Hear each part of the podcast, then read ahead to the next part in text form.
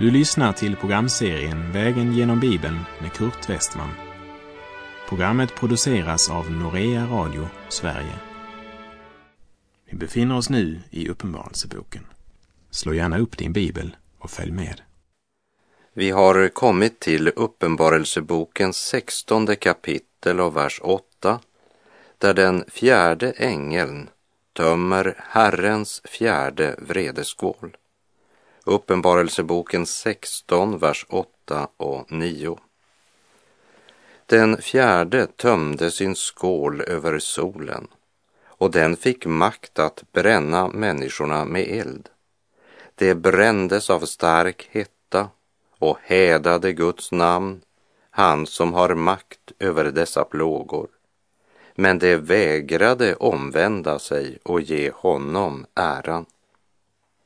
Genom änglarna som i tur och ordning tömmer sina skålar så anar vi något av skapelseordningen och änglarnas tjänst när det gäller att upprätthålla skapelsen.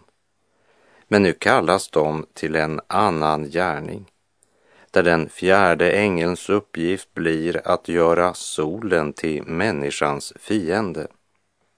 Det som varit människans ljuskälla får nu en motsatt verkan. Och här hjälper ingen solkräm med solfaktor 12. Här står människan maktlös när solen bränner som eld. Trots all växande kunskap och att människan menade sig vara så upplyst avslöjar vredeskålarna att ljuset i människan var mörker. I sin bergspredikan i Matteus 6, vers 23 säger Jesus men är ditt öga sjukt ligger hela din kropp i mörker. Om nu ljuset i dig är mörker, hur djupt är då inte mörkret? Trots alla framsteg inom läkemedelsforskningen kan man inte erbjuda människorna hjälp mot sjukdomarna när vredeskålarna börjar utösas över jorden. Trots all kulturell utveckling så blir alla andliga källor som världen dricker ur dödbringande. Vid den tredje basunen som vi läste om i kapitel 8 så förlorade solen en tredjedel av sitt ljus. Men här får solen makt att bränna människorna som eld. När människan förkastade sanningen blev man offer för lögnens makt. Och lögnen har fört henne så långt bort från Gud att istället för att vakna upp och omvända sig börjar människorna att häda Guds namn, häda honom som har makt över dessa plågor. De vägrar omvända sig. De tre första plågorna finner vi ju en motsvarighet till i de plågor som drabbade Egypten.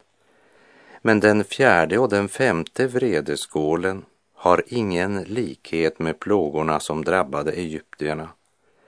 Och det säger oss att i ändetiden ska vi få se sådant som vi inte sett någon motsvarighet till tidigare. Vi läser Uppenbarelseboken 16, vers 10 och 11. Den femte tömde sin skål över vilddjurets tron och dess rike lades i mörker. Människorna bet sig i tungan av smärtan och hädade himlens Gud för sina plågor och sina bölder, men de omvände sig inte från sina gärningar. Nu drabbar Guds femte vredeskål själva centrum i Antikrists rike. Vilddjurets tron och hans rike läggs i mörker. Och vi ser att mörkret vållade stor smärta. Alltså handlar det inte om frånvaron av ljus, men om nöd, kaos och smärta som kommer över mänskligheten som en frukt av mörkrets gärningar. Det människans sår skall hon också skörda. Det handlar om det mörker som kommer från avgrundens brunn. Och nu är det vilddjurets tron som inte kan undgå att smaka sitt eget mörker när Herrens vredeskålar töms ut. Så även om Antikrists makt bara varat en kort tid, tre och ett halvt år, får han nu erfara att hans mäktiga och välbefästa rike vacklar. Mörkret talar om totalt kaos och oordning. Allt flyter, allt är osäkert, inga normer eller regler gäller längre. Allt går mot sin upplösning. Det blir en total och fruktansvärd villoreda. Det är en mörk tid, ja den mörkaste i mänsklighetens historia. Människorna biter sig i tungan av smärta och hädar himlens Gud för sina plågor och sina bölder. Men de omvänder sig inte från sina gärningar. Förgäves försöker världen leva utan Gud. Förgäves kämpar världen mot Gud och mot hans församling på jorden. Förgäves följer världen den falske Kristus. Djuret som verkade så andligt men som bara var en förklädd mörkrets tjänare. Djuret som hade lyckats samla världen men som predikade en annan Kristus än Guds evangelium predikade. Därför stod också Jesus sanna efterföljare i kamp mot detta rike och kände aldrig någon gemenskap med detta rike och blev därför också hatade och förföljda, ja, dödade. För Guds sanna barn följde lammet som hade blivit slaktat. Det följde kungen med törnekronan medan världen följde en Messias med guldkrona. Jag söker inte min egen ära, sa Herren Jesus i Johannes 8.50, medan Antikrist sökte egen ära och makt. Jesus förkunnade människorna sanningen och därför ville man inte tro på honom. Antikrist smickrar och förkunnar halvsanningar som tilltalar köttet, tilltalar vår fallna natur.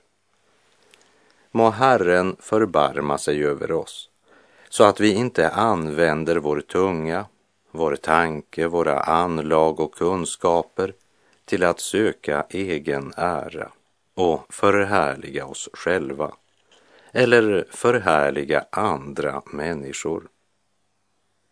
Må Gud genom sitt ord och sin helige ande få uppenbara för våra hjärtan vad sann härlighet verkligen är. Guds härlighet är alltid fördold och endast synlig för dem som Herren öppnar ögonen på. Därför säger Jesus så här till Nikodemus i Johannes 3, vers 3. Amen, amen säger jag dig. Den som inte blir född på nytt kan inte se Guds rike. Den mänskliga härligheten är alltid något yttre. Människan är så svag för allt det som vårt öga kan registrera. Medan Lammets brud har det osynliga för ögonen. Därför skriver också Paulus i Andra Korinterbrevet 4, vers 18. Vi riktar inte blicken mot det synliga, utan mot det osynliga. Ty det synliga är förgängligt, men det osynliga är evigt. Men det är en helt främmande tanke för den kötsliga människan. Hon vänder Gud ryggen förnekar Guds existens, men när hon drabbas av svårigheter och smärta anklagar hon den Gud som hon nyss sagt inte existerar. Så också inför Guds vrede. Den femte tömde sin skål över vilddjurets tron och dess rike lades i mörker. Människorna bet sig i tungan av smärtan och hädade himlens Gud för sina plågor och sina bölder. Men de omvände sig inte från sina gärningar.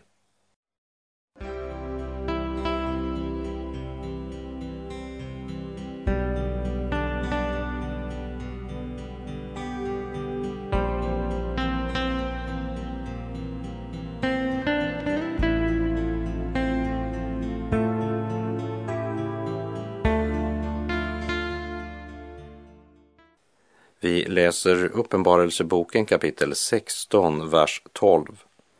Den sjätte tömde sin skål över den stora floden Eufrat och dess vatten torkade ut så att vägen bereddes för kungarna från östern. När Satan fick fria händer att i sitt raseri angripa Kristus då blev Kristi frälsningsverk fullbordat. När Satan får fria tyglar ödelägger han sig själv. Det är syndens natur. Satan arbetar egentligen alltid på sin undergång. Han är inte bara en lögnare och bedragare, men också den bedragne. För det är lögnens väsen, att den äter upp lögnaren. Därför kan Satan till sist inte annat än skada och ödelägga sina egna redskap och tjänare, medan han själv med snabba steg närmar sig den eldsjö som är beredd åt honom och hans änglar. I den sjätte vredeskålen som töms ut över floden Eufrat så blev därmed floden uttorkad så att fiendehärar obehindrat kan marschera fram där. Men det verkar som om Antikrist får bildat en stor koalition så han tillsammans med dessa Österns kungar kan föra det avgörande slaget mot Kristus. Vi läser vers 13 och 14.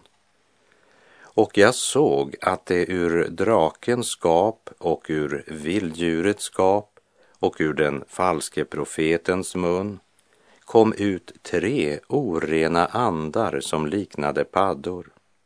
Det är ondskefulla andar som gör tecken och de beger sig ut till kungarna i hela världen för att samla dem till striden på Guds, den allsmäktiges stora dag.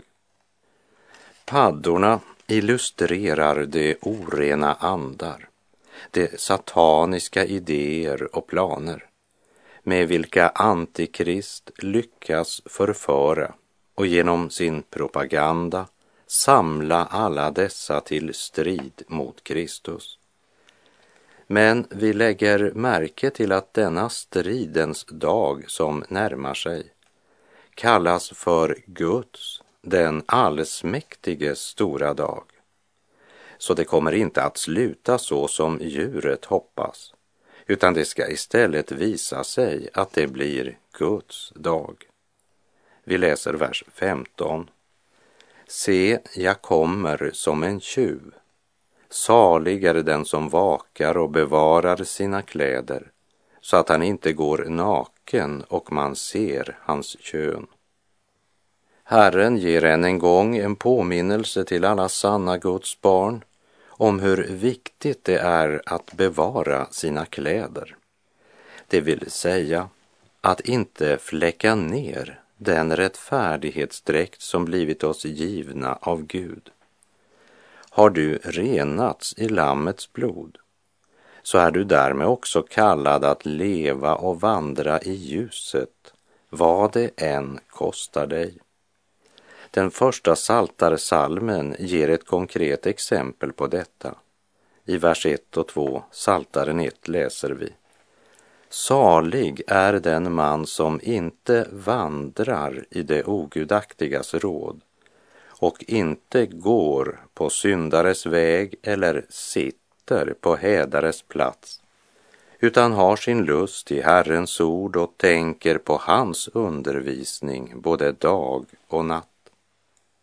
Här talas om hur den som lever med Gud lever och vandrar i vardagen.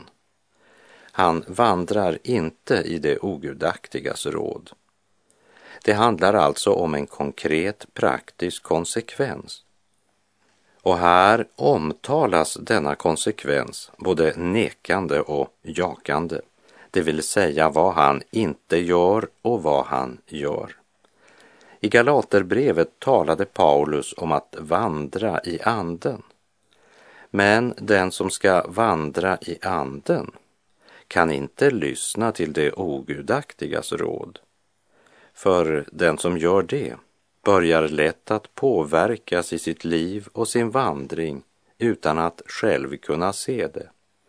Därför ska vi vara på vakt. Håll fast det du har så att ingen tar din krona.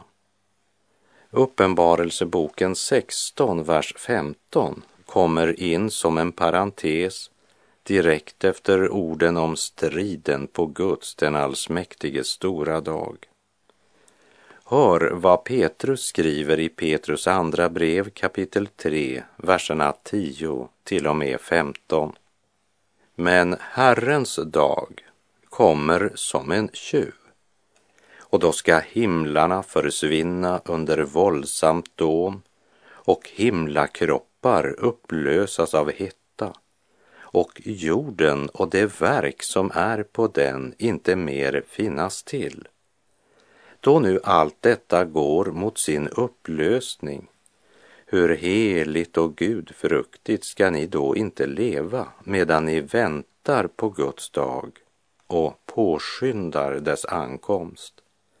Den dag som får himlar att upplösas i eld och himlakroppar att smälta av hett men nya himlar och en ny jord där rättfärdighet bor väntar vi på efter hans löfte. Därför, mina älskade, eftersom ni väntar på detta, gör allt ni kan för att leva i frid rena och oförvitliga inför honom och räkna med att vår Herres tålamod tjänar till er frälsning. Därför ger Herren oss mitt i talet om vredeskålarna en ny påminnelse om att bevara våra kläder rena. Vi har av bara nåd tagit emot rättfärdighetsdräkten från Gud men med denna gåva följer ett ansvar att se till hur vi vandrar i denna mörka och svåra tid. Se, jag kommer som en tjuv. Salig är den som vakar och bevarar sina kläder. Herren kommer som en tjuv för den som lever i mörker. Men för Guds barn som lever i ljuset kommer han inte som en tjuv. Första Thessalonikerbrevet 5, vers 4 till och med 6 säger Men ni bröder lever inte i mörker så att den dagen kan överraska er som en tjuv. Ni är alla ljusets barn och dagens barn. Vi tillhör inte natten eller mörkret. Låt oss därför inte sova som de andra, utan hålla oss vakna och nyktra.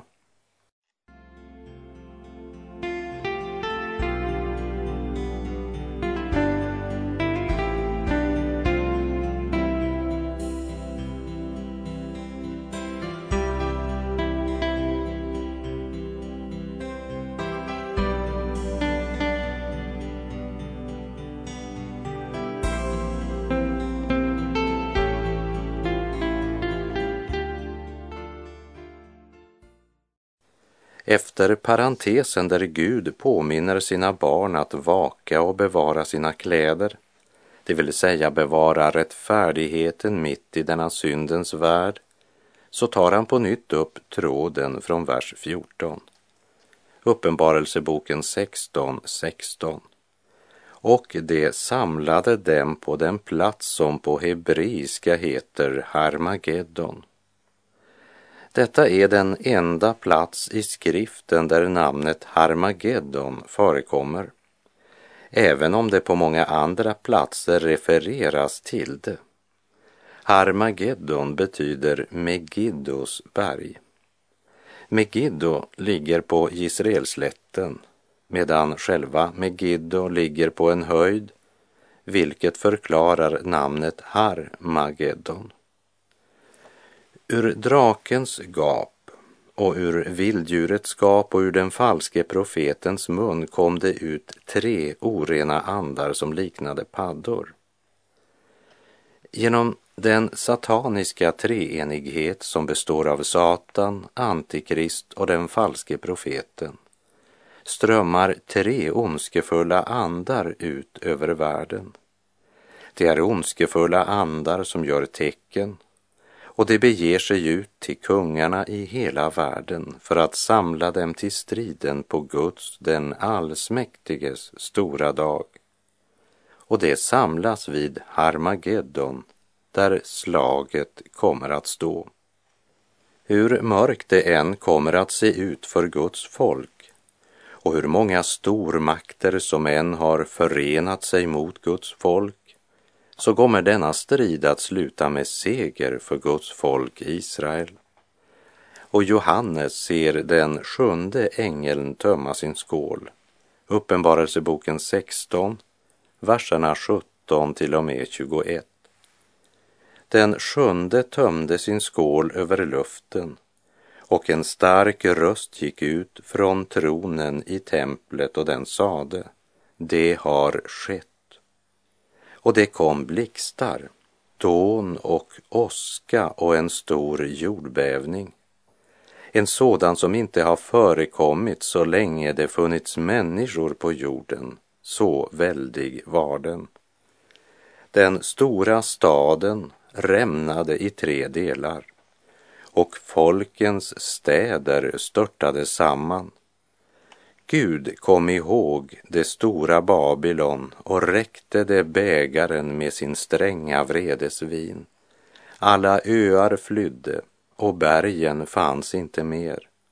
Stora hagel, tunga som talenter, föll ner från himlen över människorna.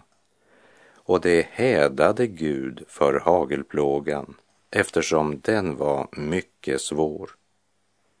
Babylon talar här inte om den avfallna kyrkan utan om Antikrists huvudstad från vilken han utövar makten i sitt väldiga rike. Staden som är ogudaktighetens och syndalivets medelpunkt och den utövar sitt inflytande över alla jordens folk. Och här i verserna 17 till och med 21 så omtalas Guds dom över Babylon, vars undergång närmare skildras i kapitel 17 och 18. Att orden alla öar flydde och bergen fanns inte mer, att det inte talar om jordens slutliga undergång. Det förstår vi av nästa vers som låter oss veta att det fortfarande finns människor på jorden och att dessa människor fortsätter att häda Gud. Kapitel 14 talade om lammet på Sions berg. Det vill säga, Israel står centralt i Guds ögon också inför vår tidsålders avslutning.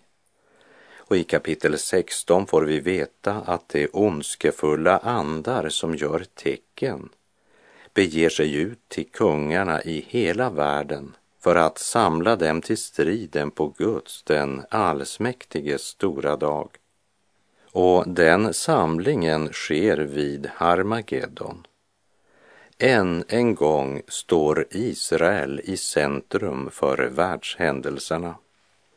Världens hat mot Israel ger sig en sista gång utslag i deras hållning till nationen Israel kapitel 16, vers 15 sa Se, jag kommer som en tjuv. Det vill säga, Guds dom kommer som en överraskning för de flesta. Världen hastar vidare, förblindade av synden.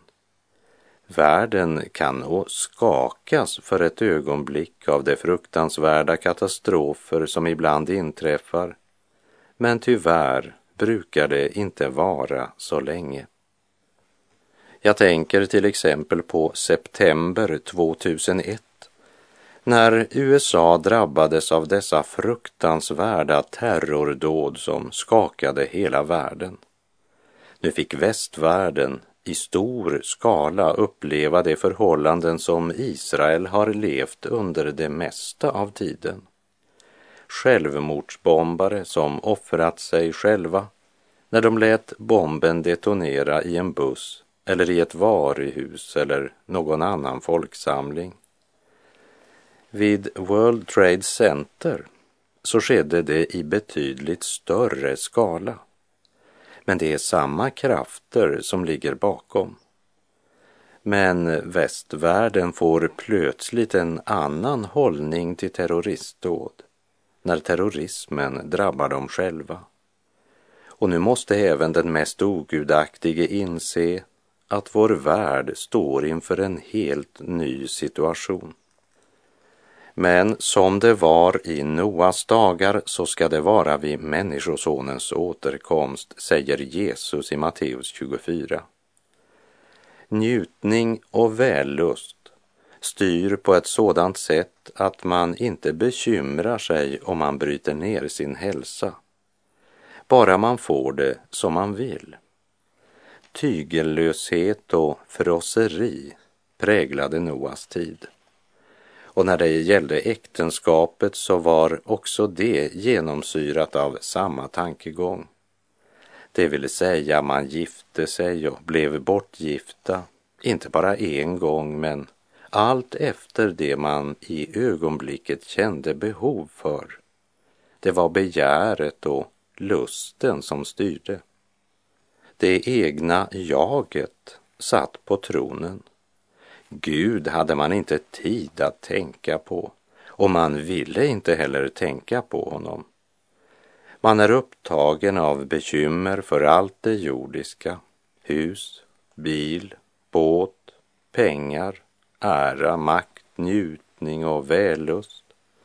Och så levde man ända till den dag då Noa gick in i arken. De levde som om det inte fanns någon Gud. De trodde inte att det skulle komma en dom och de skrattade hånfullt åt Noas budskap om floden som skulle komma. Och de visste ingenting av förrän floden kom och ryckte bort dem alla. Och så ska Människosonens ankomst vara, säger Jesus. Och med det så är vår tid ute för den här gången. Sök Herren medan han låter sig finnas. Åkalla honom medan han är nära. Vi lever i en tid då folkhavet stormar och allt går mot sin upplösning. Låt oss i denna onda tid vända oss till Gud. Han är god.